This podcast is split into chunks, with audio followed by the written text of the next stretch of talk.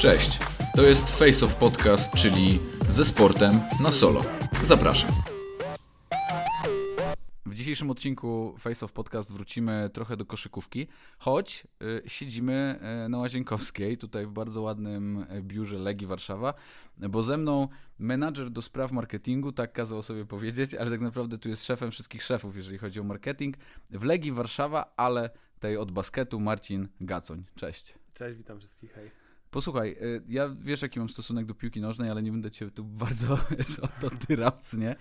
Ale powiedz mi, jak, albo inaczej, łatwo się robi marketing y, koszykówki w świecie piłki nożnej, w kraju, w którym piłka nożna jest na najważniejszym miejscu, zwłaszcza jak jesteś pod taką drużyną jak Legia? Wiesz co, to jest trudne pytanie, bo nie myślałem chyba nigdy o tym w ten sposób, nie? Jakby Mhm. mi to nigdy nie przeszkadzało i raczej tą synergię wykorzystujemy trochę z Legią piłkarską. Natomiast y, myślę, że to bardziej kwestia pozycji dyscypliny dzisiaj niż y, marketingu, bo my mamy często pomysły, które e, parę razy zdarzyło się, że tutaj przebijaliśmy różnego Mhm. rodzaju rzeczy, także myślę, że nie mam z tym problemu. Natomiast oczywiście no, możliwości dotarcia i zainteresowania ludźmi w piłce są oczywiście większe. A tak jak powiedziałem wcześniej, to wynika gdzieś moim zdaniem z, z pozycji basketu, zainteresowania dzisiaj nim ogólnie. Mm, No i głównie jakby to są takie, wiesz, mm, pierwsze takie powody, które przychodzą mi do głowy, nie? Ale nie, jest, jest spoko, także ja, ja nie mam problemu. Ale masz tak, że jak na przykład przygotowujesz się do sezonu, nie? I wymyślasz te, do których dojdziemy, bo wy macie naprawdę ekstra y, te pomysły wszystkie nietuzinkowe, wiesz, promowania basketu w Warszawie, Mhm. ale jak planujesz właśnie jakieś działania na dany sezon, to masz tak, że łapiesz się na tym, że planujesz nie pod y, ekipy z własnej ligi koszykówki, tylko patrzysz po drużynach piłki nożnej w Polsce, bo wiesz, bardziej chodzi mi o to, Mhm. że y, inne sporty w Polsce, mainstreamowe, bo koszykówka jest sportem z założenia tak naprawdę, no Mhm, właśnie, mhm. mainstreamowym jest przytłoczona po prostu przez świat piłki nożnej w tym kraju. Nie, raczej wiesz co, żyjemy w swoim świecie, o tak. Że bardziej po prostu em, patrzymy, znaczy patrzymy na to, co, co możemy zrobić. Mamy jakieś takie właśnie pomysły, y, czasami od czapy, ale sobie gdzieś tam to kreujemy. Natomiast y, nie chcę, żeby to wyszło trochę buńczucznie, ale jakby Aha. nie patrzymy jakby na, na polski rynek, y, myślę też zagraniczny ciężko. Po prostu to wynika jakby z tego, wiesz, mm, umiejętności kreowania pewnych rzeczy, Okej. wymyślenia swoich pomysłów, które pasują do koszykówki, no bo to jest nasza wielka pasja i, i miłość, więc y, wokół tego chcemy to ogrywać. No, że mamy dużo kreatywnych głów w, w klubie, no to na pewno wychodzą z tego fajne rzeczy, ale no nie czuję jakby, wiesz, y, takiego, takiego przytłoczenia czy coś, bo też po prostu na to nie patrzę, mówiąc szczerze, Mhm. nie? nie to, że nie jestem jakimś ignorantem, Jasne. ale y, no, bardziej jesteśmy zamknięci w swoim świecie. Czasami oczywiście gdzieś tam jakiejś inspiracji się szuka, albo po prostu jak wychodzą fajne rzeczy, zazwyczaj oczywiście z zagranicy, gdzieś tam, nie wiem, ze Stanów, czy ja akurat jestem e, dużym fanem Bayernu Monachium jako klubu Mhm. całego, więc tam też dużo jest fajnych pomysłów, e, różnych kolaboracji. Mm, ale tak jak powiedziałem, jakby nie czuję tego, bardziej robimy swoje po prostu i, i, i tyle, nie? Natomiast to nie znaczy, że nie doceniamy czyjejś pracy, nie? Jasne. A mówiłeś, mówiłeś, że czasami niektóre rzeczy wam wychodzą lepiej niż tej ekipie piłkarskiej. Jest tak na przykład, że, przepraszam, ale muszę, muszę o to zapytać, że na przykład jak macie, nie wiem, jakieś burze mózgów albo coś, to wy przychodzicie i tam ta ekipa piłkarska mówi, Jezu, znowu przyleźli ci, nie? O, tylko będą chcieli raperów nawet, wiesz, wprowadzać na, na, na co? Nie, nie, bo jakby my to robimy w własnym gronie, nie? Tutaj jakby rzadko się przecinamy w, takich, w takim ko- kontekście wymyślenia czegoś, nie? Takim kreacyjnym jakby. Tak, kreacyjnym. Bardziej ewentualnie czasami wsparcia realizacji, nie? Że na przykład chcielibyśmy kogoś poprosić o pomoc, nie wiem, przy sesji zdjęciowej, czy przy nagraniu jakiegoś wideo, Mhm. ale jeżeli chodzi o samo kreowanie, to bardziej my jakby tworzymy to sami, a potem e, szukamy rąk do pomocy Mhm. albo do realizacji, tak? Natomiast e, w ostatnim czasie to chyba trochę też zanikło. Myślę, że jakby mamy już też e, fajnych ludzi od wideo, dzielimy też z Legią Grafika, Mhm. czy tam Musicie go bukować wcześniej. Nie, to my musieliśmy zrobić ten konkurs. nie możemy, to my musimy. Nie, więc jakby tutaj jest spoko. Myślę, że nie ma między nami jakiegoś też wyścigu. Każdy robi swoje w imię, dobre imię Legii Warszawa, więc yy, na pewno doceniamy swoją pracę nawzajem też, nie? Ty z tego co wiem, przynajmniej prywatnie, ale popraw mnie, jeżeli Mhm. to jest, y, jeżeli źle mówię, bo nie znalazłem cię na LinkedInie, albo jak jesteś, to jesteś nie pod swoim imieniem i nazwiskiem, więc chciałem to dokładnie sprawdzić. Ale ty jesteś takim y, warszawiakiem, kibicem Legii od dziecka, czy to się gdzieś w tobie mm, po prostu urosło, jak już zacząłeś się zawodowo zajmować marketingiem? Nie, no tak jest, bo jakby mm, no też od dziecka jakby jestem, wiesz, gościem, który grał w kosza tam Mhm. na podwórku i A to wszystko wyszło w ten sposób, że wiadomo, jestem z Warszawy, więc y, siłą rzeczy po prostu to się rodzisz jako kibic Legii. Nie Okej. wiem, jak ludzie mogą tutaj, wiesz, mieć do wyboru coś innego. Mhm. Ale tak mówiąc już zupełnie poważnie, to mm, u mnie to wyszło właśnie naturalnie raz, że moje osiedle mieszkałem na Tarchominie i jakby tam wszyscy zawsze chodzili na Legię i tak dalej, i tak dalej. Ale t- dlaczego koszykówka i Legia? To jak grałem w kosza, moim trenerem e, w podstawówce był trener Marek Jabłoński, który w tamtym czasie, jak ja stawiałem pierwsze kroki w kosza, był trenerem koszykarskiej Legii. Okej. Więc jak się dowiedzieliśmy o tym, Mhm. że trener Marek Jabłoński jest trenerem Legii, no to oczywiście wszyscy jeździliśmy na mecz na Bemowo, to był tam 98-99 rok. Ja wtedy miałem 12-13 lat, więc yy, no to jakby był cały świat, nie? Do tego moi rodzice oczywiście, którzy też lubią sport, podłapali to, więc miałem, zawsze zabierałem kolegę do fury, jechaliśmy na Bemowo. Tak samo moja siostra, która też z koleżankami, bo też grała w kosza w podstawówce, więc to tak wyszło, wiesz, naturalnie. No i od tamtego 99 myślę roku, bo wtedy mam taką pamię- świadomość pamięciową, Aha. że wiem co się działo, nie? Bo tak Mniej więcej. Mniej więcej. No to tak to trwa, no. Ale to też, e, bo ty jesteś z- tego pokolenia, które widziało to, co widziało, albo my odczuwaliśmy trochę to, co robił Michael Jordan Mhm. i Vince Carter i cała ta Mhm. ekipa e, w Stanach. To też było trochę tak, że ty myślałeś sobie, tym, kurde, ale by było ekstra kiedyś, może nie tyle być takim jak Mike, ale robić takie fajne rzeczy jak Mike, nie? Żeby jakby Mhm. robić ikonicznie, popkulturowo takie rzeczy jak Mike. Wiesz co, nie wiem. Y, W tamtym czasie myślę, że nie. No jakby ja bardziej się, wiesz, skupiam na tym, co jakiś świat mi dookoła otacza, bo gdzieś tam wiem, że to, co widzę, wiesz, w telewizji i tak dalej, to jest gdzieś obraz, który jest gdzieś bardzo daleko Mhm. i taka trochę, może nie tyle, co nie rzeczywistość, ale po prostu, e, no wiesz, no oglądasz sobie w telewizji mecz Chicago z Utah, Mhm. a potem jedziesz na pierwszą ligę koszykówki w Polsce, nie? No to, wiesz, no jest No trochę, jasne. jest trochę różnica. Ale na pewno każdy, znaczy ja akurat, y, zresztą tu wiesz, no, ja akurat jestem Okej. Team Kobe i zawsze tak było, natomiast ym, na pewno każdy chciał naśladować jakoś tam, wiesz, wystawianie języka. W ogóle pamiętam właśnie jak zawsze na tych treningach y, koszykówki w podstawówce, ka- każdy tam jak Michael wystawiał język do dwóch Aha, taktów, aha. a potem tener, właśnie tener Jabłoński nam mówił, jak wam teraz brodę podbije, to wam język odpadnie. nie? I potem się skończy ka- kozakowanie. Tak, I każdy potem już, wiesz, już chował ten język. Aha.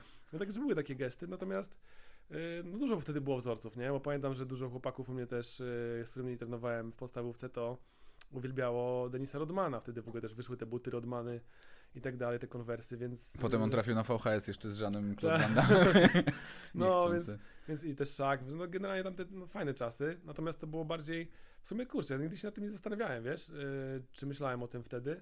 I teraz jak tak sobie zestawiam, to faktycznie no miałem na ścianach plakaty, mam w ogóle odkopałem z u siebie w domu y, plakat Le- Lakersów chyba z 98 roku. Oho.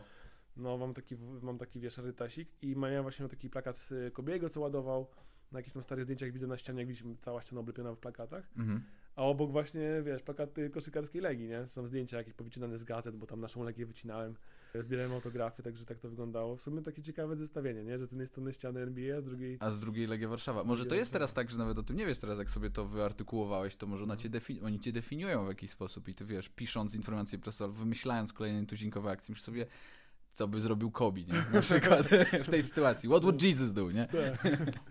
No nie wiem, wiesz co, powiem szczerze, że nawet, y, może to znowu zabrzmi jak ignorant, ale kurczę, no jakoś tak, czasami zerknę też na NBA pod kątem marketingowym, ale wiesz, to jest trochę bolesne doświadczenie, nie? To Bo prawda. Potem się musisz zmierzyć z rzeczywistością, którą masz tutaj, Mhm. no i, i wiesz, no i nie do końca tak to działa, nie? Ja miałem taki trochę jakby, y, może zmieniając klimat na Europę, ale mieliśmy dwa lata temu taką, można powiedzieć, wizytację w Bayernie Monachium Mhm. i pierwszego dnia byliśmy w koszykarskim Bayernie, e, a następnego dnia był mecz piłkarzy, też nas zaprosili. No i po tym pierwszym dniu, jak mieliśmy spotkanie tam z, e, między innymi właśnie z Marco Pesiciem, z Nichadem Dziedowiczem się spotkaliśmy. No a na, na finałem była, była rozmowa z e, Danielem Bajezim, który jest dyrektorem sportowym. No to wyszedłem zmiażdżony, nie? Z tego Okej, spotkania. Także- Ale zmiażdżony w takiej sensie, że oni jakby mają dużo większe możliwości niż no, my, totalnie. Czy jest- jakby inaczej myślą, czy... Wiesz, wydaje nam się, że ym, zawsze jak pa- patrzymy właśnie na to porównywanie z NBA, nie? Mhm. to wiadomo, to jest inny świat. Jasne. Ale wtedy pamiętam, jak Daniele opowiadał o tym, jak oni funkcjonują i, i on zresztą też był w Europie w innych klubach dyrektorem sportowym. No to, to, to nie jest przepaść, nie? To jest w ogóle jakiś kanał totalny. Naprawdę? No, to jest, to jest niesamowite w ogóle doświadczenie. Zresztą wiesz, no jak pomyślisz sobie, że w koszykarskim Bayernie w samym biurze pracuje tam z 54 osoby, Okej, a w polskich klubach koszykarskich pracują po 4, 5, 6 osób. okej.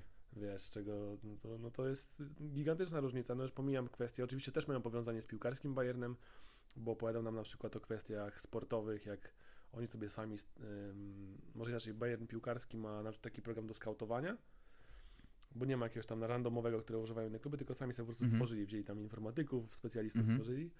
No i właśnie Daniel opowiadał, że y, oni chcieli, y, też mieli jakiś taki randomowy program do skautowania koszykarzy, ale zagadali z piłkarzami, żeby przerobili na ich mniejsze. To tam trwało jakiś czas, było na ich potrzeby, bo, bo ten program, który mieli, który był na rynku, nie spełniał ich wymogów, nie? Więc jak sobie myślisz, że goście sobie jeszcze tworzą swój program do Do skautowania. obserwacji różnych rzeczy, no to w ogóle totalnie jakby, wiesz, odpalasz. Nie? No ale też wszystkie kwestie dotyczące właśnie rozwoju młodzieży, em, też marketingowo, no bo tam też była taka strefa VIP-owska, w której sobie oczywiście wtedy nie było meczu, więc wiesz, krzesła do, góry- do góry nogami na stołach, ale no robiło to wrażenie. Mhm. Szczególnie, że oni teraz chyba, z tego co pamiętam, to mówił, że budują nową halę. Natomiast nie wiem, kiedy ją skończą, ale no, no naprawdę jest to gigantyczny przeskok. No to jest zespół euroligowy, to też nie ma co się dziwić. Zupełnie inne budżety, zupełnie inne realia. I oczywiście na początku był taki, wiesz, walec, ale potem też duża inspiracja. I, i no dla mnie szczególnie, bo mówię, jestem też fanem Bayernu od, Mhm. od dziecka, więc y, obserwuję ich jako organizację. A że miałem okazję dotknąć koszykówki, trochę popatrzeć, jak to funkcjonuje, to w ogóle no fajne przeżycie, nie? Fajne Ale to też jest chyba kwestia taka, że to jakby nie sam, jakby nie sam Bayern tutaj jakby zamordował was jako takich, e, wiesz... e, Rzeczywistość, nie? Tak, tylko No. trochę rzeczywistość, bo jednak jak zda, zdarza mi się Bundesligę koszykarską komentować, Mhm. no to tam jednak ci kibice koszykarscy to też są takie świry, w sensie oni Mhm. są tak na maksa wkręceni Mhm. i jest ich dużo, e, mimo że jakby nie chcę porównać ilości lud ludzi mieszkających w danym kraju, ale jednak oni tam bardzo mocno do tego podchodzą, w sensie bez względu na to, czy to wiosło, czy nie wiem, tenis, czy właśnie koszykówka, to ci kibice są na maksa wkręceni i Mhm. też te dzieci potrafią grać w kosza, od małego się je Mhm. uczy grać w kosza. No tak, ja myślę, że to jest wiesz co, bardziej taki temat trochę, nie wiem, socjologiczny, bo e, no ja nie jestem w stanie oprzeć się wrażeniu, że jednak e, na przykład Niemcy, jak już o nich mówimy, są takim narodem, który no, żyje sportem trochę inaczej niż my. Tam jak jakiś zespół jest, nie wiem, w piłkarskiej Bundeslidze 15, tam i tak jest pełny stadion, Mhm. wiesz. U nas tak nie ma, nie? Czy Mhm. druga Bundesliga oglądasz, nie wiem, tam, czy trzecia oglądasz Drezno, a tam jest stary full stadion, wiesz o co chodzi. Mhm. Tak właśnie takie wspieranie lokalsów. No tutaj no tak nie ma, nie? Czy, czy w polskiej piłce, czy, czy w koszykówce jest na zasadzie takiej, że spinamy się wtedy, kiedy walczymy o coś wyżej, nie? Tak samo zresztą pewnie jak obserwujesz sporty narodowe, no my wspieramy te kadry, które walczą o medale. Mhm. Nie To to, że, nie to, że jesteśmy fanami dyscypliny, tylko o, szczypiorniak walczy o medale, no to jesteśmy dzisiaj fanami ręcznej. Tak, odpalamy telewizor, dopie- jakby telewizja kupuje w momencie, w którym jesteśmy w połowie turnieju. Jakby. Tak, Ale tak. come on, co się działo No. wcześniej, nie? No właśnie, no właśnie, więc jak myślę, że to jest bardziej taki też przyczyna mm, tych kwestii dotyczących frekwencji zainteresowania, bo analizuję to bardzo mocno. Myślę, że leży gdzieś tam trochę głębiej niż nam się wydaje, nie? I no i u Niemców to widać bardzo, tak jak mówisz, że poglądasz te mecze Bundesligi koszykarskiej pełne hale, nie? I tak dalej, i tak dalej, tak samo jest w innych krajach. No i spoko, fajnie mają. No. No tak, my musimy trochę walczyć z tym, mam wrażenie takim, no bo jak przyzwyczaić człowieka do czegoś, do czego nie jest przyzwyczajony, nie? Więc Mhm. można mu to pokazywać właśnie w po prostu jakiś nietuzinkowy sposób, albo dawać mu jakieś takie emocje, no bo koszykówka ona daje takie rodzinne, trochę inne emocje. Jak pamiętam, Mhm. jak pierwszy raz mieliśmy, mnie zaprosiłeś, miałem okazję obejrzeć ten mecz koszykówki na Bemowie, to było ekstra, mi się Mhm. przypomniały te takie pierwsze e, studenckie, może nie studenckie, licealne emocje, kiedy grałem w siatkówkę i kolega tam z osiedla grał już w Resowi Rzeszów i był gościem, nie? Mhm. E, prawie nic dalej nie zarabiał miesięcznie, bo jeszcze wtedy Resowia nie była taka mocna i w ogóle Okej. przechodziła z pierwszej B w siatkówkę do tej mm, Plus Ligi potem. No, ale on był już wtedy gwiazdą. Ja pamiętam, Mhm. że te mecze robiły na mnie wrażenie, bo były takie rodzinne, bo ktoś rzucał szalikiem, bo były jakieś Mhm. zabawy, te kiskamy i tak dalej. Wydaje mi się, że wy macie taki fajny vibe, że szukasz tych jednak, szukacie tych nietuzinkowych rozwiązań. Pamiętam przecież, no na maks amerykański temat, te czarne, y, w sensie sofy przy Mhm. koszu y, dla gości specjalnych, nie? Tak, tak. No tak, wiesz, no na pewno gdzieś tam, też powiedziałem na początku, że się nie, nie, nie zagląda marketingowo do NBA, ale dużo pomysłów po prostu gdzieś tam, yy, no nie, nie powiem, że tylko jest nie to, że zgapionych, ale po prostu zainspirowaliśmy się. Mhm. Natomiast, yy, no wiesz, zawsze moim gdzieś tam takim celem od, od początku, kiedy gdzieś tam tutaj działam, było to, żeby budować wokół koszykarskiej legii społeczność, nie? Mhm. Bo to też trochę jak z tego się wywodzi. No to odrodzenie potęgi, które to hasło, które my gdzieś tam sobie wymyśliliśmy 10 lat temu i dźwignęliśmy sekcję od zera. Zbudowane, ludzie, którzy to zaczęli tworzyć, to byli kibice, byli Mhm. zawodnicy, no i Robert Habelski, legenda, która, który grał, był trenerem i tak dalej. To wszystko było społeczne, nie? Więc jakby właśnie zawsze mi o to też chodziło. I to na przykład te kwestie tych soft, tego zapraszania właśnie, czy wtedy co swoim udziałem stand-uperów, czy raperów, czy przychodzą aktorzy i tak dalej, i tak dalej. Moim celem jest to, żeby po prostu jak największą grupę ludzi zainteresować, też zbudować wokół sekcji koszykówki, bo po prostu uważam, że to jest fajne. Mhm. Wiesz, uważam, że fajnie jest przyjść na mecz, właśnie te emocje przeżywać. Zresztą wiesz, no jakby mm, czasami nawet wiesz, w chwilach jakiegoś tam kryzysu czy zwątpienia, ja sam jak jest mecz, no teraz okej, nie ma publiczności, więc trochę to jest dołujące, ale jak jest pełna hala, wiesz, taka, no coś się na, na boiskiem unosi, taka łuna emocji, Coś w tym jest, tak. taka energia, nie? I, I to jest spoko, dlatego też chcę, żeby ci ludzie to poczuli i tak jak ty, no właśnie widzisz, żeby poczułeś te emocje, tak samo usłyszałem już parę razy od ludzi, którzy byli pierwszy raz, że wow, co tu się w ogóle dzieje. A najfajniej w ogóle jest y, wtedy, kiedy słyszę to na przykład od ludzi, którzy na przykład jak przedstawicieli sponsorów, którzy na przykład nie mieli okazji nigdy być na meczu kosza, przychodzą i są w szoku w ogóle. jak- Co tu się dzieje? Co tu się dzieje, jak fajne emocje. Także no jakby taki jest cel i te kanapy trochę jest taki właśnie, wiesz, doświadczenie bliżej boiska, nie? Mhm. Że siedzisz przy linii, może ci zawodnik wpadnie, czy coś Nie, no takiego. mi było strasznie wstyd, bo ja po prostu jak można było nie pójść na ten mecz, nawet nie sprawdzić, nie? I było No. mi potem wstyd, że ja nie poszedłem sam z siebie, tylko dopiero ktoś mnie musiał zachęcić y, tą kanapą, Mhm. ale no faktycznie wrażenia są niesamowite, bo właśnie, po pierwsze siedzisz bardzo blisko, Mhm. po drugie Załóżmy, że nie rozumiem zasad koszykówki. Mhm. Nie wiem, jakimś cudem nie, nie, nigdy nie widziałem koszykówki, jak ktoś nie widzi futbolu amerykańskiego. To i tak bym wyszedł zadowolony. W sensie dalej bym wyszedł i bym mówił, ja pierniczę, jakby nie kumam nic, co tam się wydarzyło, co nie? Ale to wygrali. Było, ale tak, ale wygrali i to było mega pozytywne i fajnie się to oglądało po No prostu. tak, bo to jest, y, wiesz, no, w ogóle uważam, że emocje sportowe, czy właśnie, wiesz, jak jest publiczność, to jest fajne wydarzenie, są fajne emocje i tak dalej, nie? Generalnie oczywiście zawsze są na jakichś wydarzeniach, czy to na stadionach, czy na halach, czy gdziekolwiek, zawsze jakieś sytuacje ekstremalne, nazwijmy to. Zdarza się. Zdarzają się, ale generalnie uważam, że no to, to jest taki jakby sens pracy, nie? Jakby wiesz, ja na przykład y, w dniu meczowym jestem osobą odpowiedzialną za, nazwijmy to, cały event, mówiąc brzydko. No ale i wiesz, my czasami mecz widzę rzadko, nie? Jak są Mhm. jakieś są mecze z publicznością, to właśnie sobie ostatnio gadałem z koleżanką, która tutaj ze mną współdziała z Magdą i mówimy, jak fajnie, że nie ma, mówiąc brzydko, tak, że nie, nie ma Mhm. publiczności, możemy mecze oglądać. Ale oczywiście y, wolimy, jak jest publiczność, bo chociaż wtedy, wtedy mamy dużo pracy i czasami tylko zerkniemy, co się dzieje. Natomiast no, te emocje się czuje i potem y, ta satysfakcja, nawet jakieś zmęczenie organizacją meczu i tak dalej, jakby to nie ma znaczenia, nie? Bo się budzę, wiesz, czasami nie wiem, skończymy o 23, ja i tak o 7 wstaję i mimo tego, Już że jesteś czuję, czuję, wszystko w mięśniach, ale mentalnie jestem naładowany, nie? No, bo te emocje się udzielają i dają energię. No tak, bo tu udziela ci się też wszystko to, co się dzieje tak naprawdę na boisku, nie? I Tak, też potem tak. też, też tym się ładujesz. No właśnie, a jak sobie poradziliście z pandemią, kiedy się to wszystko zaczęło? To już wcześniej próbowaliście się do tego przygotowywać, czy tak jak rozmawialiśmy tutaj poza mikrofonem, właściwie wróciłeś z wakacji i kurde, co tu się dzieje, nie? Jakby No. jakieś maseczki, jakiś wirus, da fuck, nie? Mm. No tak było, jakby zaskoczyło nas to wszystkich, myślę, a natomiast co myślę, że poradzi- poradziliśmy sobie dobrze. Znaczy liga zakończyła rozgrywki wcześniej, bo Mhm. w połowie tam bodajże marca zakończono w ogóle rozgrywki i, i nie było kontynuacji. No i potem był taki okres, y, wiesz, no, największych znaków zapytania pod kątem właśnie tego, na przykład jak zachowają się sponsorzy nasi, jak w ogóle będzie Mhm. sytuacja wyglądała całościowo, no bo kończy się sezon w marcu, de facto następny powinien zaczynać się we wrześniu, prawda? Nasz, myślę, że dobra była, czy tam no, na początku października, myślę, że to była dobra decyzja o rozpoczęciu tego wcześniej przez związek. No a my w międzyczasie no, robiliśmy taką robotę swoją marketingową z domu, nie? No bo robiliśmy Mhm. konkursy dla kibiców, jakieś tam, wiesz, Q&A i różne historie. No bo coś też musisz jakąś treść do tych mm, ludzi wysyłać, a największą treść zawsze są oczywiście mecze, inne historie, tego nie ma. Mhm. Także trzeba było wtedy, myślę, że największą kreatywność wykazać. Też myślę, że chłopaki z innych klubów z marketingu też, y, po, też tam musieli porobić.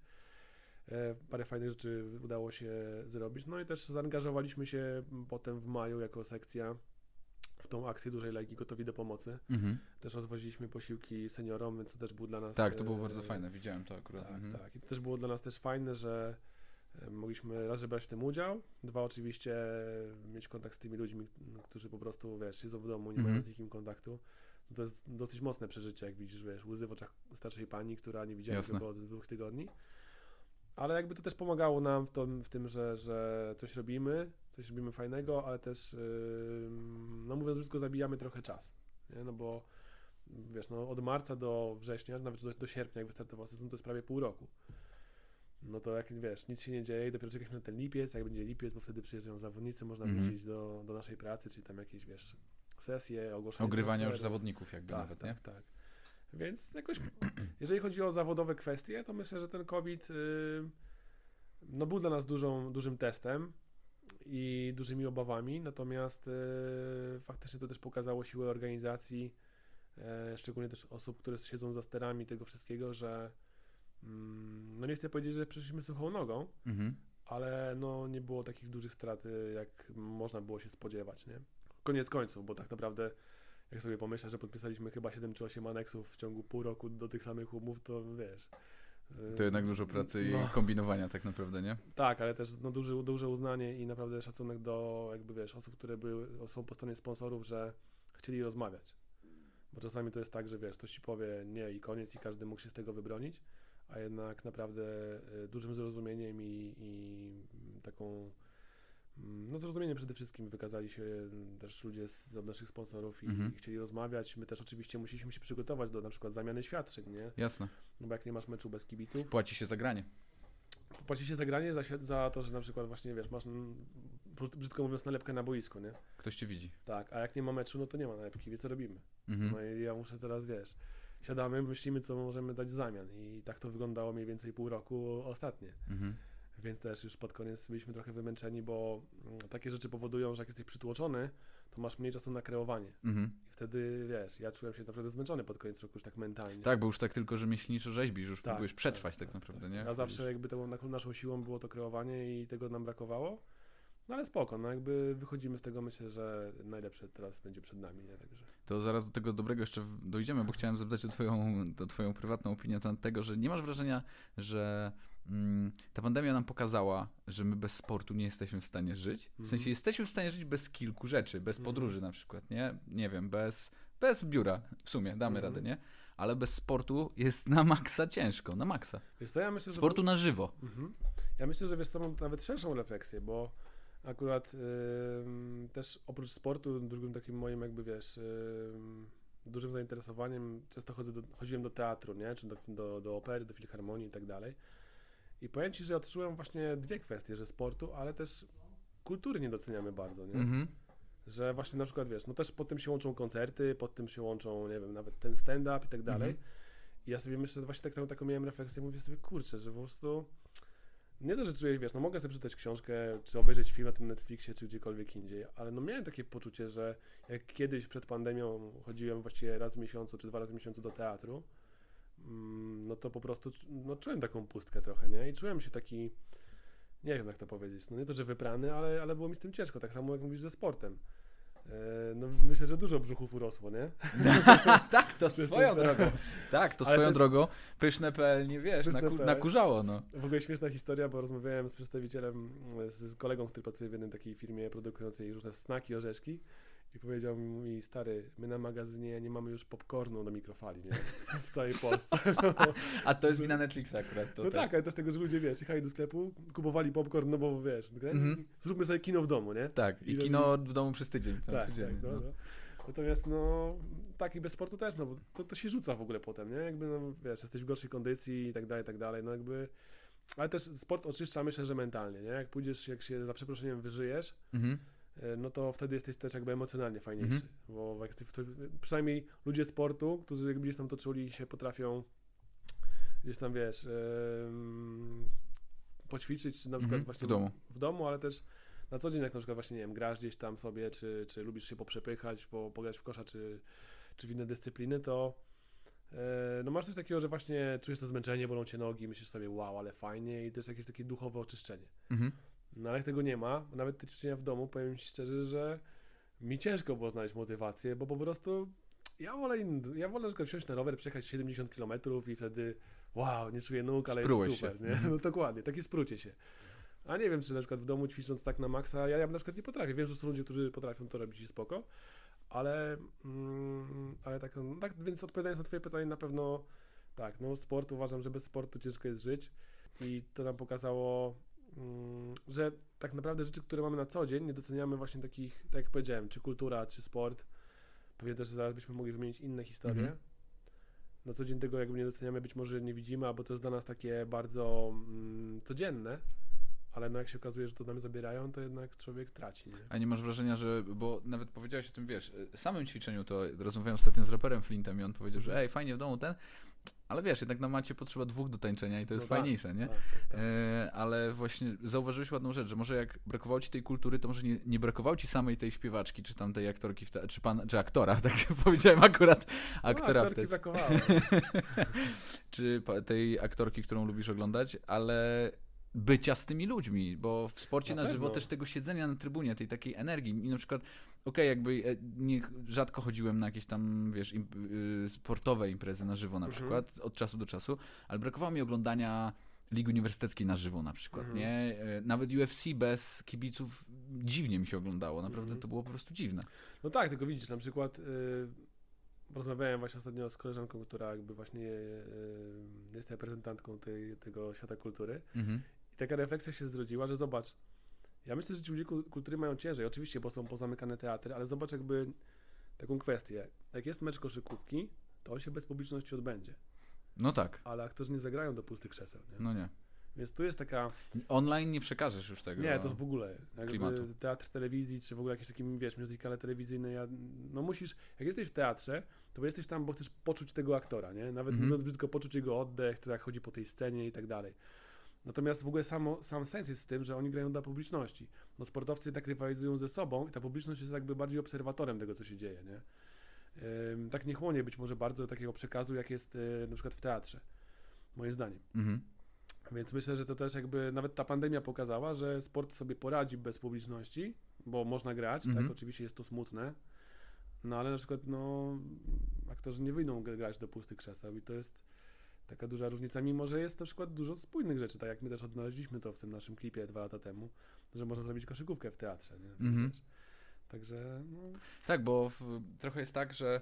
mm, Bo pyta, właściwie pytanie, jedno, co, jedno pytanie, które się nasuwa na, na temat sportowców, bo mówisz, że właśnie ci aktorzy nie mogą grać do pustych krzeseł. No właśnie, a czy sportowcy performują tak Mhm. samo do pustych trybun, nie? To pytanie też wracam jak bumerang, w, tu, w, Mhm. nawet w którejś rozmowie już, y, że Conor McGregor, który przeciągał swój powrót, bo pytanie, czy on tak samo dobrze się czuje bez publiki, bo on, wiesz, jakby ciągnie z tej, Mhm. z, tej, z, tej, z tej energii ludzi, nie? Wiesz co, no, mam taką właśnie, no to jest w ogóle ciekawy temat, bo ja takie myśli, o których rozmawiamy ostatnio łapałem na przykład, nie? Bo zastanawiałem się nad taką rzeczą, że rozmawiając z wieloma sportowcami, tak samo właśnie czytając ostatnio, czytając e, Mambo Mentality, książkę Mhm. Ko- Kobiego, on tam często mówi właśnie, że był taki zamknięty, wyobcowany, on jakby się, jak się koncentrował, to nie słyszał tego, co się dzieje wokół.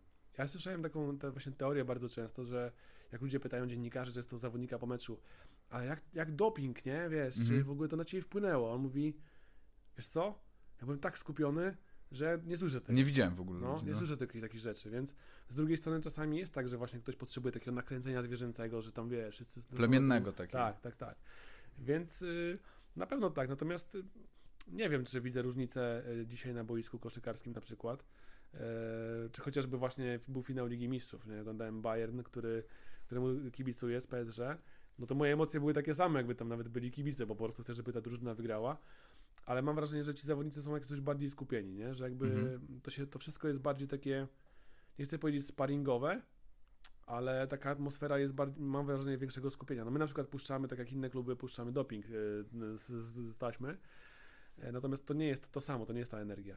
Mm, więc musiałbyś też chyba zapytać bardziej tych ludzi, którzy faktycznie performują, czy, czy oni, mm, myślę, że nie mają innego podejścia. Myślę, że to na pewno jak to jakoś ten doping uskrzydla, w jakiś tam stopniu na pewno, ale myślę, że podejście do tego, żeby wygrać jest chyba takie samo, nie? Tak, bo wtedy na boisku, bardzo ładnie to powiedziałeś, robi się taka trochę sterylna, taka szpitalna atmosfera, Tak, nie? Że już tak. wtedy jesteś sam, nie? I ten gość jest też. No i Tak. e, nawet słyszysz, co on do ciebie mówi w No. sumie, nie? No tak, słyszę, też trenerzy wszystko słyszą, wiesz, Tak. nie jest tak, jak wiesz, jest, jest doping na hali, to czasami gwizdka sędziego nie słyszysz.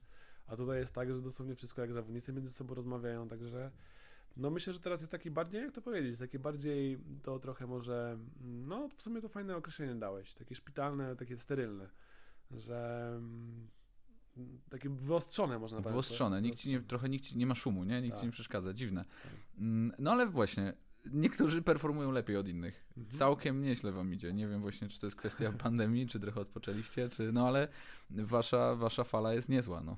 No jest niezła, to jakby ty, ty też wiesz, bardzo się z tego cieszymy i, i zobaczymy co będzie dalej. No playoffy już mamy. e, zapewnione, byśmy chcieli przystąpić z jak najlepszej pozycji, natomiast na pewno jest to, wiesz, częściowo, może nie tyle co wynik COVID-u, Mhm. natomiast myślę, że tego naszego odnalezienia się w tym wszystkim jakby, bo e, wiesz, no nas wszystkich takie, jakby sytuacja jest taka sama, wiesz, każdy, Mhm. każdy, każdego, wiesz, nie wiem, obcokrajowcy nie mogą przylecieć na przykład, bo albo z opóźnieniem, no bo COVID, tak, albo kwarantanna. Natomiast myślę, że my się odnaleźliśmy w tym na tyle, że udało się naszemu trenerowi, myślę, że tutaj jest klucz. Trener Kamiński no, wykonuje mega robotę. I co żeśmy sobie ostatnio też słuchali właśnie e, tego trenera na podsłuchu. No to zrobiliśmy. jest genialne.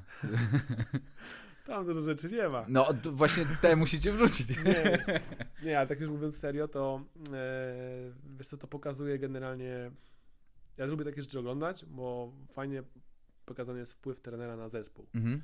I wtedy właśnie, i, a na przykład trener Wojciech Kamiński uważam, że akurat jest mm, jednym z takich trenerów, których ja uwielbiam, bo po prostu nie potrafią z zawodnika wyciągnąć to, co w nim najlepszego, poukładać tak zespół, że wiesz, kogo masz i nie narzekasz, że tego nie mam, tamtego nie mam, tylko po prostu wiesz, co jest najlepsze w tym gościu i robisz tak, to, tak, tak to układasz, Mhm. tak, trochę szachy albo może układanka, że ten gościu, który na przykład, nie wiem, wszyscy mówią, a on tylko rzuca za trzy, ale ty zrobisz z niego po prostu zabójcę, nie? Że on, że potem Że będzie dobry pod obręczą, nie? tak, że potem wiesz, i też potem powiedzą, ej, on nie tylko to robi, nie? Robi coś, coś innego, ale albo na przykład mówi o nim tylko strzelec, a mówią aż strzelec, nie? Że jak on dostaje piłę, to po prostu zawsze trafia, bo tak go wykreowali koledzy, bo tak kazał trener.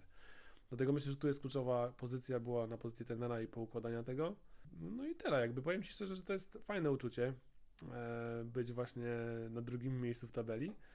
Ale i na początku tak się każdy zastanawia, znaczy wszyscy, mnie to denerwuje na przykład takie gadanie, że to jest ponad stan, albo że nie wiem, jak na przykład był u nas Michał Sokołowski na początku sezonu, no to było, że no bo Sokół jest czy coś, nie? Mhm. Tylko wiesz, no zawsze uważam, że w sporcie są dwie drużyny na boisku podczas meczu i to nie jest tak, jak nie znoszę takiej teorii, jak ktoś mówi, no bo ci zagrali słabiej, to tam ci wygrali. Nie no, No tam nie. ci zagrali słabiej, bo ci się przygotowali, dlatego byli lepsi. Mhm. I koniec, nie? I takie umniejszanie, wiesz, zwycięzcą często jest, mm, albo na przykład jak nam było często umniejszanie, że a, bo jest Michał Sokołowski, no to Legia wygrywa. Michał Sokołowski odszedł, Legia dalej wygrywała. Mhm. Już nie chciałem być ironiczny do takie pytania, widziałem gdzieś tam na Twitterach, ale sobie myślę, No bo mógłbyś na nie też reagować w nieskończoność, mógłbyś go nie wyłączyć tak, ale wiesz co, uważam, że to, jest, że to jest nie fair, jak umniejsza się rolę innych zawodników w zespole, bo koszykówka jest grą zespołową. To prawda. I wiesz, i nawet Michael Jordan potrzebował mieć Scottiego Pippena, wiesz, i Denisa Rodmana, żeby Dokładnie. wygrywać mistrzostwa. Więc y, no, tak to, tak to jest. Nie wiem, no jakby inne kluby widzisz, widzisz jak to się dzieje dzisiaj w polskiej. Na przykład Anwil Włocławek nie wiadomo, czy będzie w playoffach, nie Mhm. gdzieś w dole tabeli. Więc na pewno ten COVID dużo namieszał, ale uważam, że y, dobrą robotę wykonaliśmy organizacyjnie, że się po prostu potrafiliśmy w tym odnaleźć. Świetną robotę wykonał nasz sztab, trener i, i cała, cała świta, więc y, myślę, że to jest wynik, że drugie miejsce to nie jest przypadkiem i ja nie uważam, że to jest ponad stan.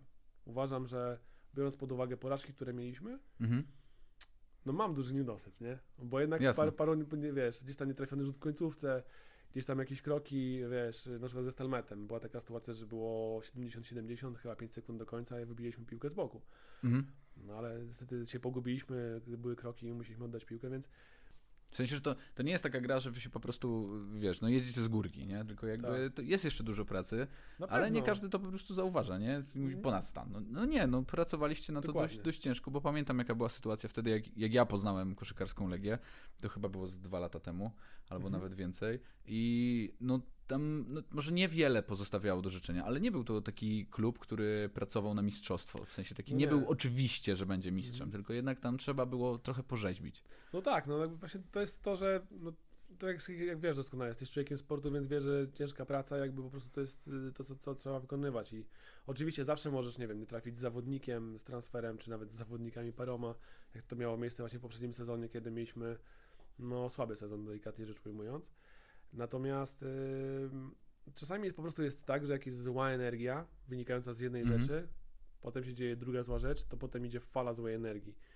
I ja mam takie właśnie wrażenie, że e, ze, ze wszystkim trzeba zachować spokój. Jak jest źle, to trzeba być spokojnym. Jak jest dobrze, to też trzeba być spokojnym. Oczywiście cieszyć się i żyć tym, ale obserwować, nie? żeby właśnie nie, nie popełniać tego błędu euforii, ale też w marazmie nie popadać w marazm, nie? Dlatego na przykład też bardzo mi imponuje to, co się dzieje w Bayernie Monachium, że tam Mhm. zawsze Karl-Heinz Rummenigge ma kamienną twarz, jak siedzi, ale to jest właśnie to, jest właśnie to Mhm. że ci ludzie na przykład, jak to jest 5-0, oni nie skaczą po trybunach, się cieszą, że gol, bo oni doskonale wiedzą, że to jest ich praca wykonana. Fajnie, że jest ten, ale po prostu cieszą się, jak jest sukces, jakieś wielkie mistrzostwo, Puchar Europy i tak dalej. To jest właśnie, ym, uważam, y, dobre zarządzanie sportem i, i w nim funkcjonowanie, nie? Takie y, podejście bardzo, bardzo zimne do tego, nie? Takie trochę kalkulowanie, ale w sumie Niemcy sportowo zawsze byli chyba od tego znani. Ja nie wiem, czy to Tak. o nich jest akurat przysłowie, Mhm. e, to mój dziadek mówił, ale chyba o nich, że y, wszyscy grają w piłkę, i tak wygrywają Niemcy, nie? Bo Dokładnie oni tak, rzeźbią, oni tak. powolutku, po cichutku rzeźbią. Wiesz, no, generalnie to jest. To jest też dziwny kraj, specyficzny, no umówmy się, tam jakby generalnie mają swoje marki, wiesz, no jedziesz Mercedesem, to wiesz, że tam ci nic nie skrzypi, nie? Więc, Tak. czy, czy w Audi, czy tak. Ostatnio w ogóle, a propos marketingu sportowego i połączenia na przykład marek, to e, Audi zrobiło, nie wiem czy widziałeś te światła, w, e, jest taka sytuacja, Nie, że Audi nie. wymyśliło jakieś światła LEDowe, Okej, to na grupie marketingu sportu chyba, bo jesteś tam, nie? tak, tak. Ale tam wrzucił. jest czasami taki zalew rzeczy. Jest, jest, jest. Ale ktoś rzucił fajny film, że właśnie Audi z okazji m, bodajże urodzin chyba Bayernu, bo oni wymyślili te soczewki w reflektorach, które robią projekcje w ogóle w Mhm. samochodzie, nie? Stary, będziesz mógł sobie chyba wyświetlić na, Na ścianę, w garażu, na, na no. I zrobili właśnie taki, taki klip, no musisz to zobaczyć, właśnie jak, jak mm, tam dla Bayernu dedykowany. Mhm. Nie? I właśnie ten prezes chyba, nie, gość odpowiedzialny za, za tworzenie mm, wyglądu świat, za, za mm, wygląd świateł i jak one, za design Czyli cały. technik w ogóle. Taki technik, tam Mhm. stoi i właśnie opowiada o tym wszystkim. No ale właśnie niesamowita rzecz i to też pokazuje, że jakby oni ba- mają bardzo dużą jakość wszędzie. Oni stawiają na tą jakość, nie? Tak Mhm. samo jest w sporcie, no zobacz. Bundesliga na przykład piłkarska ma takie rygory pod kątem e, funkcjonowania finansowego klubów, że to w ogóle tam jak ktoś ma długi, to człowieku, w ogóle nawet Od razu wlatuje. Nic, tak samo jest w koszykówce i to jest super, nie? Uważam, że to jest wtedy czyste.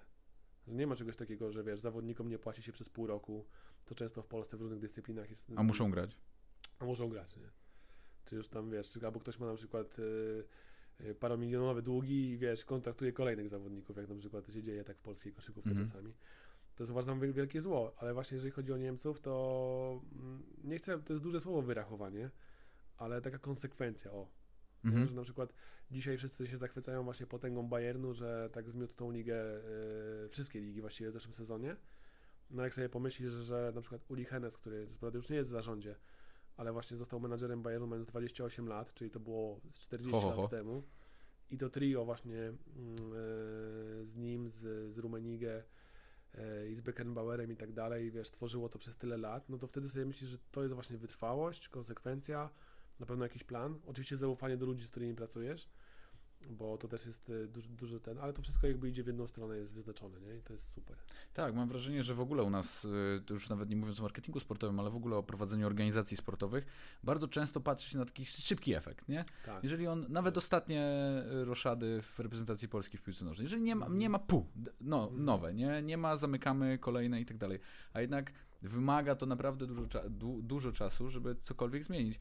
To tak y, ostatnio z kimś nawet rozmawiałem, że mm, chyba Lewa, tak, który jest y, mm, trenerem reprezentacji Niemiec w Mhm. piłce nożnej, krytykowano, bo nie poszło tam w meczu bodajże z Hiszpanią.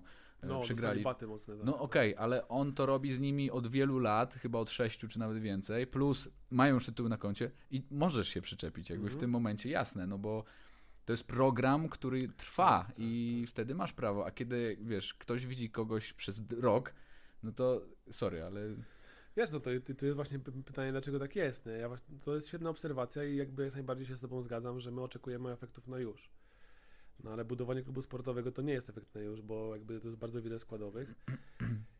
I niestety muszę, muszę powiedzieć, że problem polskiego sportu leży po prostu w kompetencjach ludzi, mhm. którzy tym sportem się zajmują i bez względu na to, czy to jest przepraszam, piłka nożna, siatkówka, hokej, koszykówka, czy cokolwiek innego, jak się poprzyglądasz, Mhm. no to bardzo często jest, myślę, że schemat się czasami powtarza, jak widzisz na przykład, że w jakimś tam, nie wiem, MKS-ie Parzęczew prezesem, prezesem jest, wiesz, gościu, który mm, ma hodowlę, wiesz, yy, osłów i na tym zarabia miliony, on sobie wymyślił, że będzie miał klub yy, na przykład koszykarski. Mhm.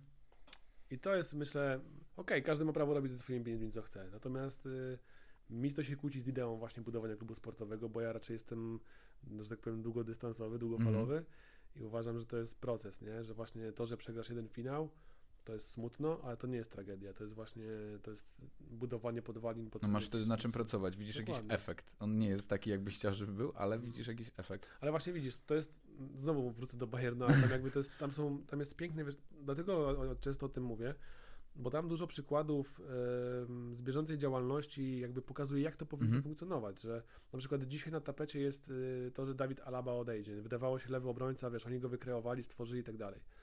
No i cały świat mówi, co Bayern z tym zrobi. A Bayern na przykład y, lewego obrońcę sobie wziął dwa lata temu, czy trzy tego Davisa, 17-letniego, który teraz też w, tam Barcelonę pozamiatał w, y, w Lidze Mistrzów, co było w, zeszłym sezonie. I wiesz, to jest ruch wyprzedzający, bo oni Mhm. doskonale wiedzą, nie? Że, że na przykład zawodnik może za 2-3 lata chcieć odejść, to my już dzisiaj myślmy nad tym, co będzie, jak wiesz, weźmy sobie jakiegoś małolata, za przeproszeniem, jak Wymodelujmy go. Dokładnie, dokładnie. I to jest właśnie robienie trzech kroków yy, w przód, jakby wyprzedzenie sytuacji, taka, taka wizualizacja tego, co się może wydarzyć. Dlatego tam nie ma, wiesz, panicznych ruchów, nie? Tam, oj, przepraszam, tam nie ma panicznych ruchów, tam nie ma tego, że oni są zaskoczeni, bo nie wiem, ktoś chce odejść, na przykład Mhm. jak teraz. Oni odpuścili tego, ale powiedzieli, dobra, idź sobie do Realu. My to przewidzieliśmy. Tak, przewidzieliśmy to, mamy już mm, na twoje miejsce kogoś tam, albo po prostu y, mamy jakieś rozwiązania. No to jest mega, to jest w ogóle, y, to też budzi spokój, nie? Bo jesteś, wiesz, potem na tym topie tyle lat.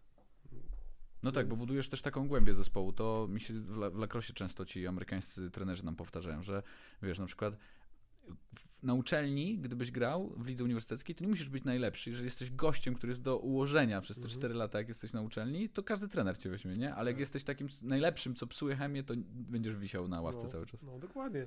Natomiast, no wiesz, no byli wielcy, którzy podobno psuli chemię, jak na przykład Kobe Bryant, ale, ale do niego nikt nie podchodził z No pretensjami. dokładnie. no dokładnie, dokładnie. No bo tak, ty też musisz mieć jakieś, chyba, że masz jakieś faktycznie kosmiczne wyniki, nie? No jakby wiadomo, to nie jest No musisz, nie? najlepszy po prostu, nie? No on To był w nie- stanie sam wszystko, sam wszystko zrobić, no, No, no po to- prostu. To właśnie musisz być najlepszy, żeby po prostu nikt do ciebie nie miał pretensji, albo po prostu jak ma, to nie będzie ich mówił, bo wiesz, że robisz robotę. Mhm. To się przecież liczy, nie? Liczy się w sporcie, liczy się sukces. Oprócz tej, wiadomo, satysfakcji, jakiejś tam poczucia mm, duchowości, no to sportowcy rywalizują o coś, nie? Żeby być najlepszymi.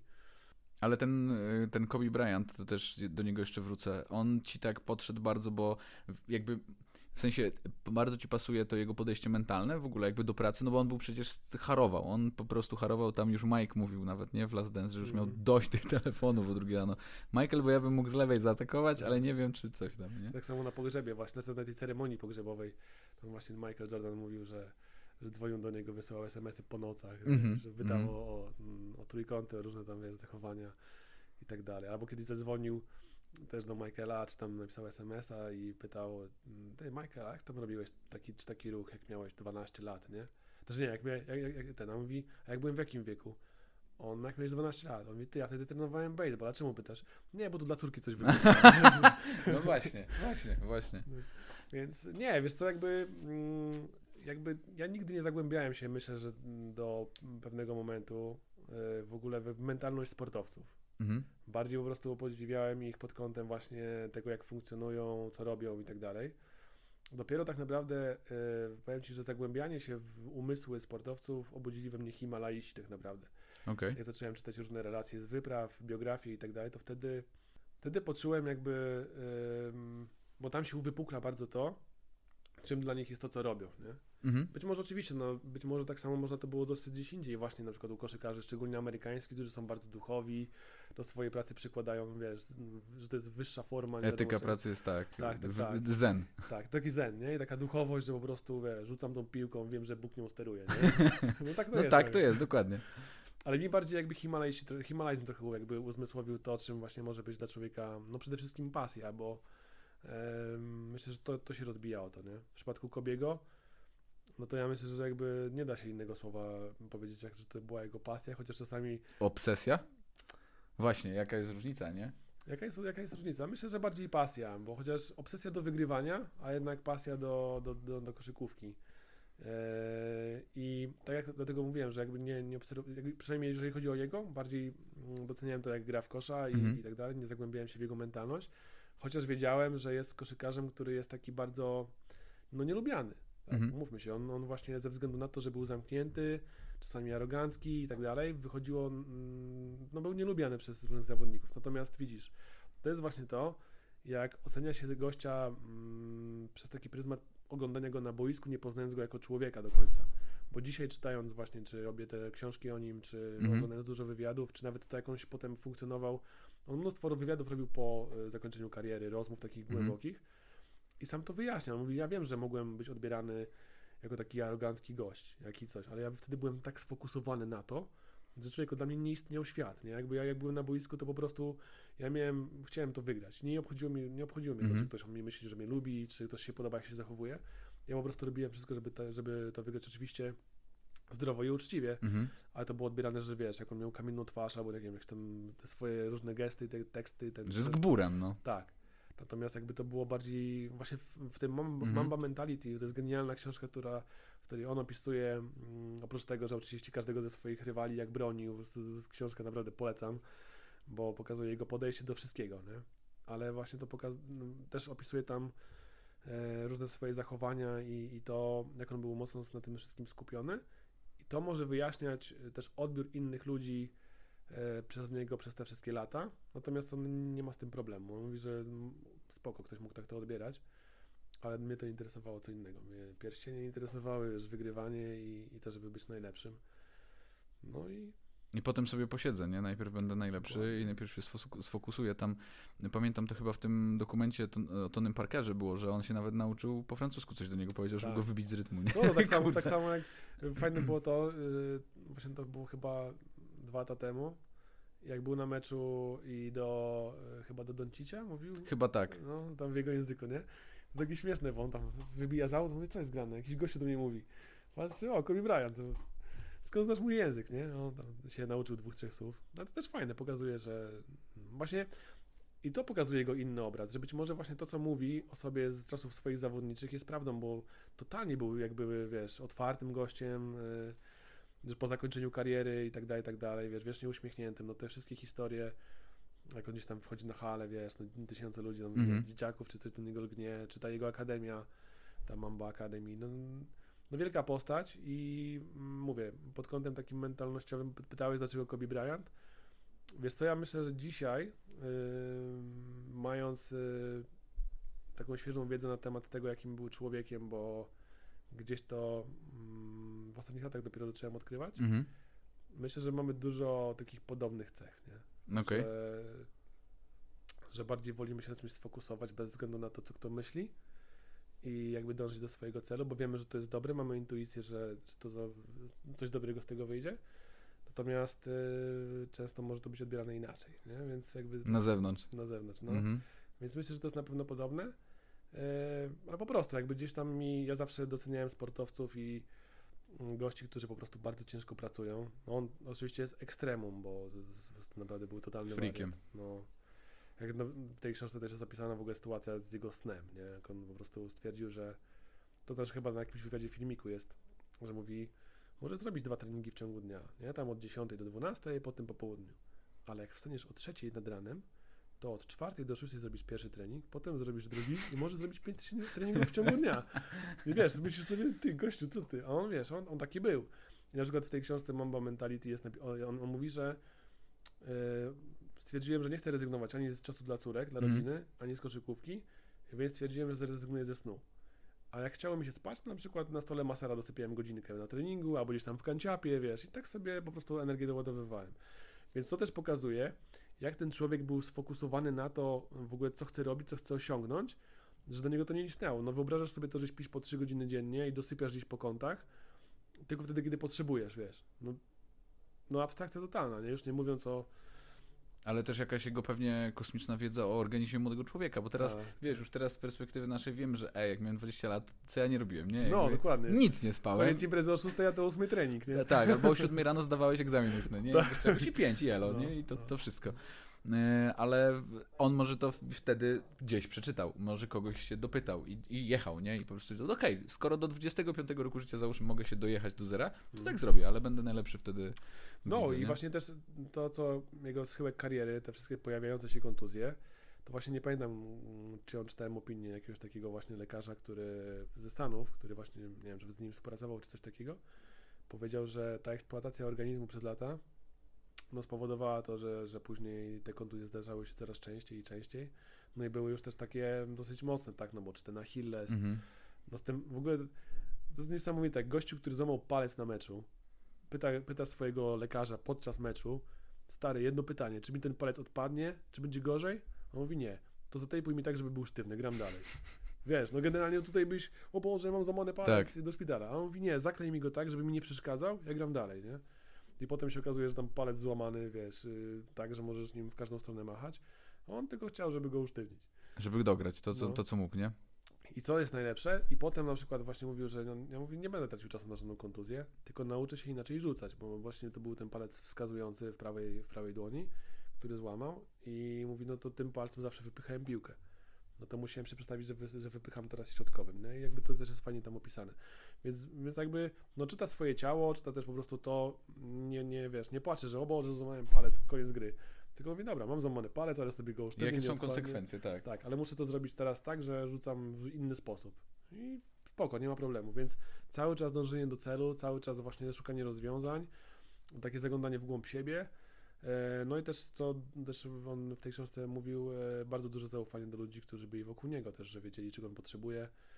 E, Chodzi o fizjoterapeutów, lekarzy i tak dalej, tam też miał swoją opiekę, więc Ale znalazłeś sobie bardzo fajnego idola, teraz jak mówisz o nim, wiesz, jak postępował, nie, na boisku, no to nawet biznesowo to nakładając, nie wiem, docierasz do jakiejś ściany okej, dobra, to jak będę jechał dalej, to czy to, co zrobiłem już odpadnie, czy mogę, Mhm. mogę jechać dalej? Możesz jechać dalej, nie będzie gorzej. No dobra, no to jadę dalej i Mhm. potem będę myślał, co, co tak. cofnąć. Wiesz, tak to jest. W ogóle uważam, że y, każdemu z nas, zresztą też pewnie doskonale wiesz po swoim życiu, zna, zna, są sytuacje, kiedy sobie myślisz, że doszedłeś do ściany, nie? że kurde, nie ma rozwiązania. Mhm.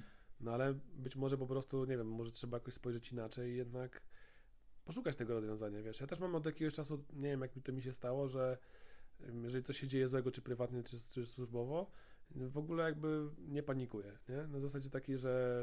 Mm, a to też jest ciekawostka, bo to też wynika chyba w ogóle z książek o Himalajzmie. Dobra, bo wiem, wiem, wiem, wiem do czego moja myśl zmierzała teraz. No przeczytałem, już nie pamiętam kto to powiedział, mm, ale była taka myśl, że do momentu, kiedy nie ma bezpośredniego zagrożenia życia, Mhm. to wszystko możesz zrobić, nie? Ze wszystkiego możesz wyjść i zawsze znajdziesz rozwiązanie. Coś w tym jest. No i czasami nam też się wydaje, że wiesz, masz jakąś taką sytuację tragiczną albo smutną po prostu, nie wiem. Koniec z- świata. Koniec świata i wydaje ci się, że jesteś jedyną osobą, która to przeżywa, nie? A potem Mhm. się okazuje, że takich sytuacji zdarza się na świecie miliony i ludzie z tego wychodzą, przechodzą przez to. Oczywiście, no emocjonalność jest ważna i każdy znajduje swoją drogę i mamy, każdy inaczej patrzy na to samo wydarzenie, ale myślę, że właśnie chłodna głowa i podejście na zasadzie takiej okej, no jakby, nie wiem, yy, zwolnij mnie z pracy, no ale mam dwie ręce, mam dwie nogi, zatrudnię Mogę, się... muszę kombinować. Tak, zatrudnię się na chwilę w sklepie, potem dam sobie czas, żeby znaleźć robotę, którą będę polubię, wiesz, żeby znaleźć jakieś rozwiązanie. Tak samo myślę, że było w przypadku właśnie takich sportowców, którzy osiągali większe sukcesy, sukcesy że zawsze szukają rozwiązań, dążą Mhm. do tego, żeby po prostu dojść tam ten szczyt, nie? Tak samo na przykład Robert Lewandowski. No idealny przykład z Polski, Mhm. już nasz, nasz, nasz Tak. ciężka praca, to jest super. To jest właśnie super i mam wrażenie, że niestety mm, troszeczkę będzie ciężej z takimi osobami, które chcą ciężką pracą do czegoś dojść, szczególnie u sportowców. Bo to nie wiem, czy masz takie wrażenie, też widzę teraz, ja zadam tobie pytanie. Dawaj. Czy nie uważasz, że to się właśnie zmienia mentalnościowo, że jak, że jak patrzysz na młodych sportowców, to właśnie oni chcą szyb, wszystko szybko, że nie wiedzą, że to jest proces. Jest tak i widzę to akurat na przykładzie swojej dyscypliny, nie? Jak Mhm. mamy, jak mamy młodych chłopaków, mamy młodych ludzi u nas w gromie Warszawa, nie? Czy w kadrze są jacyś juniorzy y, w lakrosie, no to jednak problemem sportu naszego jest ta y, bariera jednak poświęcenia dużego czasu, nie? Musisz Mhm. bardzo dużo czasu poświęcić, żeby ten kij przestał być e, protezą, a stał się przedłużeniem ręki, nie? I Mhm. działał samowolnie. Mhm. I czasami ta bariera jest za długa, to znaczy, to ona się zawsze, wiesz, opanowanie go zmienia się u każdego, y, każdy ma inaczej, nie? U mnie na przykład to było bardzo długo, po prostu ci przeskakuje klepka w jednym momencie tak, i to- wiesz już, że to jest to, nie? I nie zaglądasz do niego, o jest tam piłka, nie, jakby wiesz. Y, I to jest ta bariera i faktycznie ona jest dla większości u nas w rekrutacji nie do przejścia, nie? W sensie, Mhm. jeżeli to mija miesiąc i on dalej nie jest w stanie swobodnie rzucać, podawać i zbiegać z Mhm. kijem, to jest koniec, bo on stwierdza, że to znaczy, że to nie to. To znaczy, że on nie ma, wiesz, talentu do tego albo to. A to nie o to chodzi, to po prostu każdy ma inaczej, to trzeba No tak. rzeźbić, nie? Dokładnie tak. No to tak samo właśnie jak to, że Yy, na przykład w koszykówce to nie jest tak, że jak wiesz, trafisz za trzy, to jest wiesz, dużo szczęścia i tak dalej, bo już wracając do, do postaci, o której mówiłem, na przykład do Kobiego Bryanta, no to trening rzutowy, ten sam ruch tysiąc razy wykonywany na treningu. Mhm. I to potem nie jest przypadek, że on trafia. On to po prostu, wiesz, pamięć mięśniowa, on to wszystko wytrenował. Na przykład fajny jest też w ogóle taki tekst tej książce, on powiedział, że każdy mój buzzer beater to nie był wielki rzut, to był kolejny rzut. Mhm. Wiesz o co chodzi. Tylko my oczywiście dorabiamy, bo ten rzut na zwycięstwo czy coś. Ja mówię, to był kolejny pod kątem technicznym, wiesz, i tego co robię, to jest kolejny rzut. On podejmował świadomą decyzję, że Tak, to nie on- jest nic, to ja zaraz walnę beatera i elo. No, I to jest jakby dla niego kolejny rzut. On nie przeżywał tego, że o Boże, nie trafię, to coś tam, nie? Bo na pewno miał też parę niecelnych rzutów Mhm. na koniec.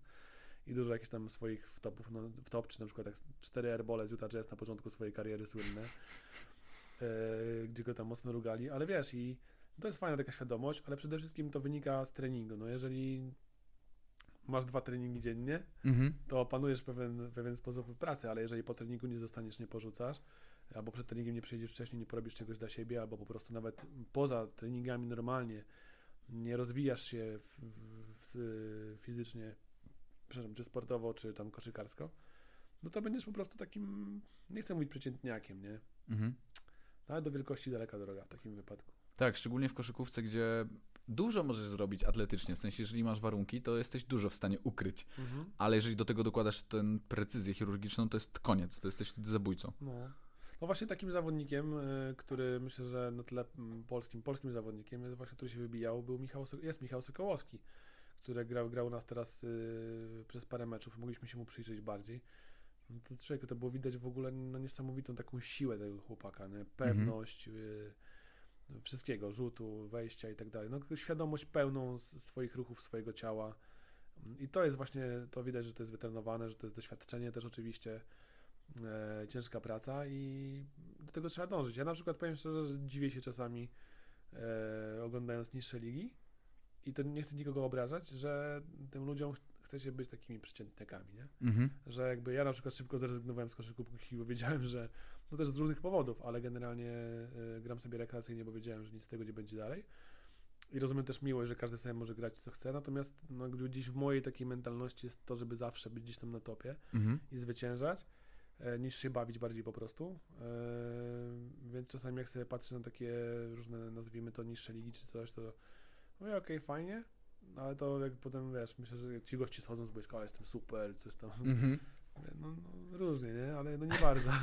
Wiesz co, to jest strasznie ciekawe, bo ja mam bardzo dobre podejście i nie słyszałem tego u kogoś innego niezwiązanego z tym sportem, który ja trenuję, właśnie, że mm, też często mnie to zastanawia właśnie w polskich, w polskich drużynach i też jakby nie chcę tu nikogo, nikogo No. obrażać, ale też widzę to u nas czasami, nie? Że mm, teraz mówię do zawodników, którzy wiedzą, którym to powiedziałem, że dlaczego nie chcesz, nie chcesz być najlepszy, nie? Że dlaczego wystarczy ci wejść na boisko, bycie przetrąconym przez kilku zawodników, bo nasz sport jest bardzo kontaktowy i tyle, nie?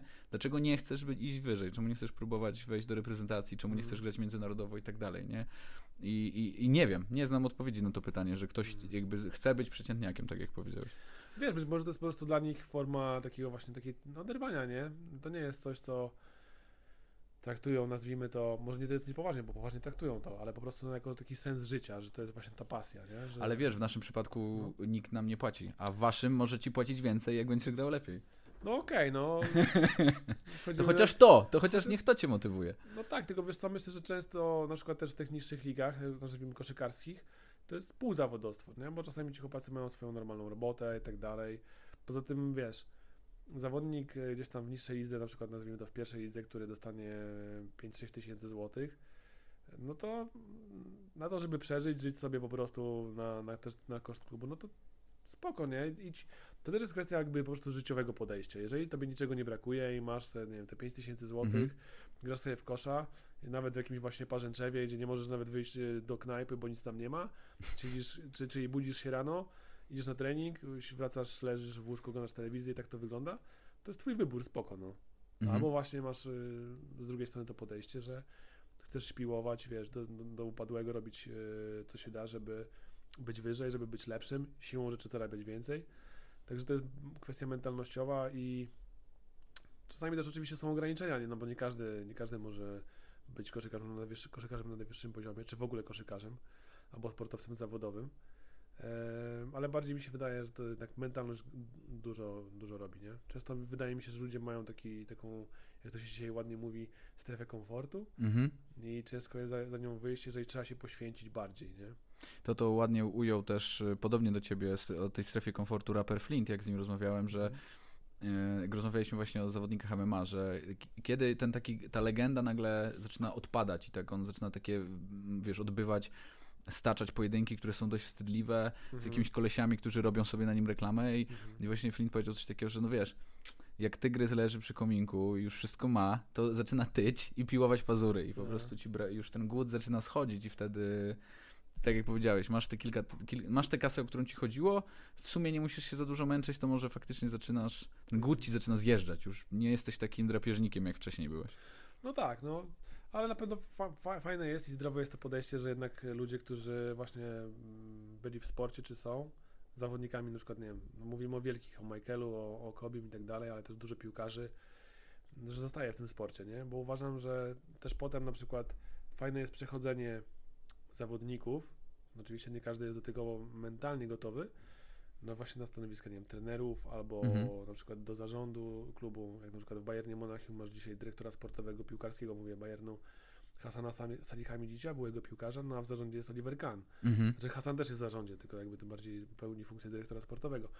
No, pomijam oczywiście y, Karla Heinza. Miałem kartę piłkarską z kanem nawet, O, no, taką srebrną. Świetny bramkarz, swoją drogą. Natomiast y, wiesz, i to jest, ja uważam, że to jest mega, nie? Bo, bo ci ludzie znają ten sport od podszewki i generalnie wiesz, z całym szacunkiem, no ale gościu, który tak jak mówiłem o tym wcześniej, y, co ma hodowlę, y, co ja mówiłem, osłów, tak? Powiedziałeś osób, ale możesz powiedzieć na przykład y, alpak. No, co ma hodowlę alpak, no to on nie wie, co czuje ten sportowiec, bo nigdy nim nie był, wiesz o co Mhm. chodzi. A tutaj właśnie jest to zrozumienie i myślę, że łatwiej jest kierować, zarządzać wtedy klubem sportowym, czy kierować właśnie to w jakąś stronę, jeżeli albo chociażby masz wokół siebie ludzi, którzy to czują, no albo sam to robiłeś, bo wtedy jakby masz inne spojrzenie, nie? I dlatego też na przykład właśnie też jest świetna historia na przykład Uliego Hernesa, który swoją drogą też przecież spędził trochę dni w więzieniu, bo tam oszukiwał Mhm. podatkowo, ale są piękne historie, słuchaj, jak on em, będąc już tam w zarządzie Bayernu, bardzo często taka jego, mimo tego, tego że też jest taką, wiesz, ten arogant, nie, i tak Mhm. dalej, taki, taki ham, uważany przez całe to społeczeństwo związane z piłką nożną w Niemczech, to jego ludzka twarz na przykład, jak wiesz, jak ratował piłkarzy przed depresją, wiesz, jak tam pomagał finansowo wielu klubom i tak dalej.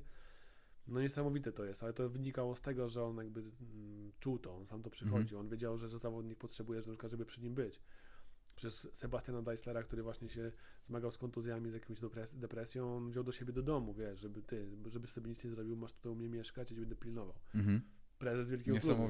No, ale to jest właśnie, dlatego myślę, że to, to też jest fajne i też ja poznałem to na przykład przez 10 lat y, tutaj tworząc tą y, sekcję. Miałem okazję, mm, wiesz, y, dotykać wszystkiego, każdej jakby sfery życia, klubu sportowego. I fajne są te takie właśnie ludzkie. Naj, naj, naj, najważniejszą rzeczą myślę, że jest właśnie takie, takie człowieczeństwo w tym wszystkim Mhm.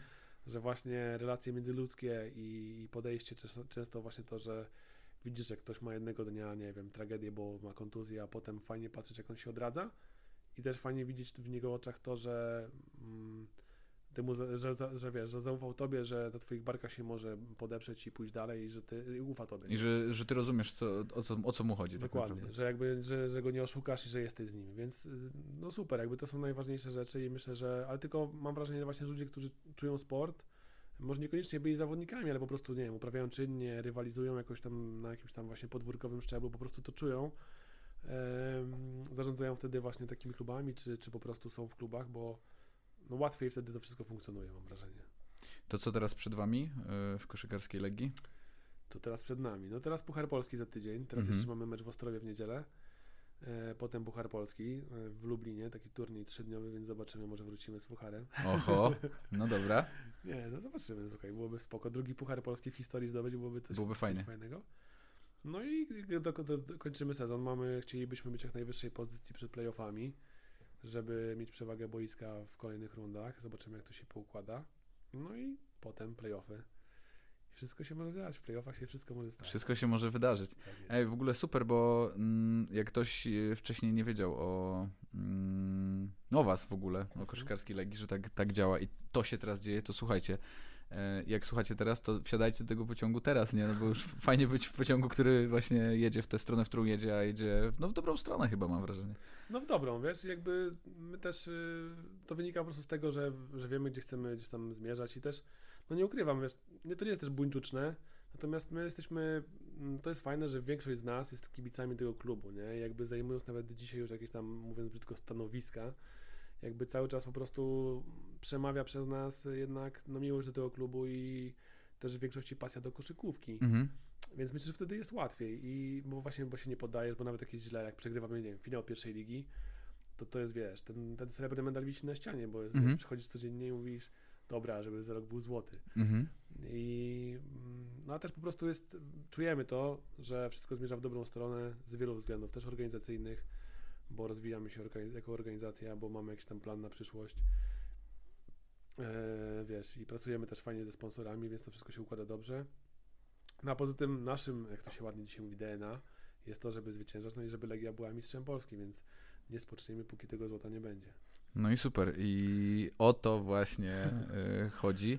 Życzę wam tego z całego serca. Ja, tak jak mówię, mnie kupiłeś wtedy, nie? W 100%. Y, bo ja lubię koszykówkę, ale kupiłeś mi wtedy y, tą Legią Warszawa koszykarską właśnie, Mhm. emocjonalną i, i, i bardzo mi się podoba to, to, co robicie, więc jeżeli jesteście po prostu w innych miastach i słuchacie z innych miast, to wspierajcie lokalne kluby koszykarskie i Dokładnie. kibicujcie im. E, No i co, no to życzę Y, udanego weekendu w takim razie turniejowego. Nie dziękuję. Y, trzymajcie kciuki. Zobaczymy, jak wyjdzie historia, ale może coś. Może o, może napiszemy historię, widzisz, no. Bardzo, bardzo ładna puenta na koniec. Dzięki wielkie, Marcin. Dziękuję bardzo, dzięki.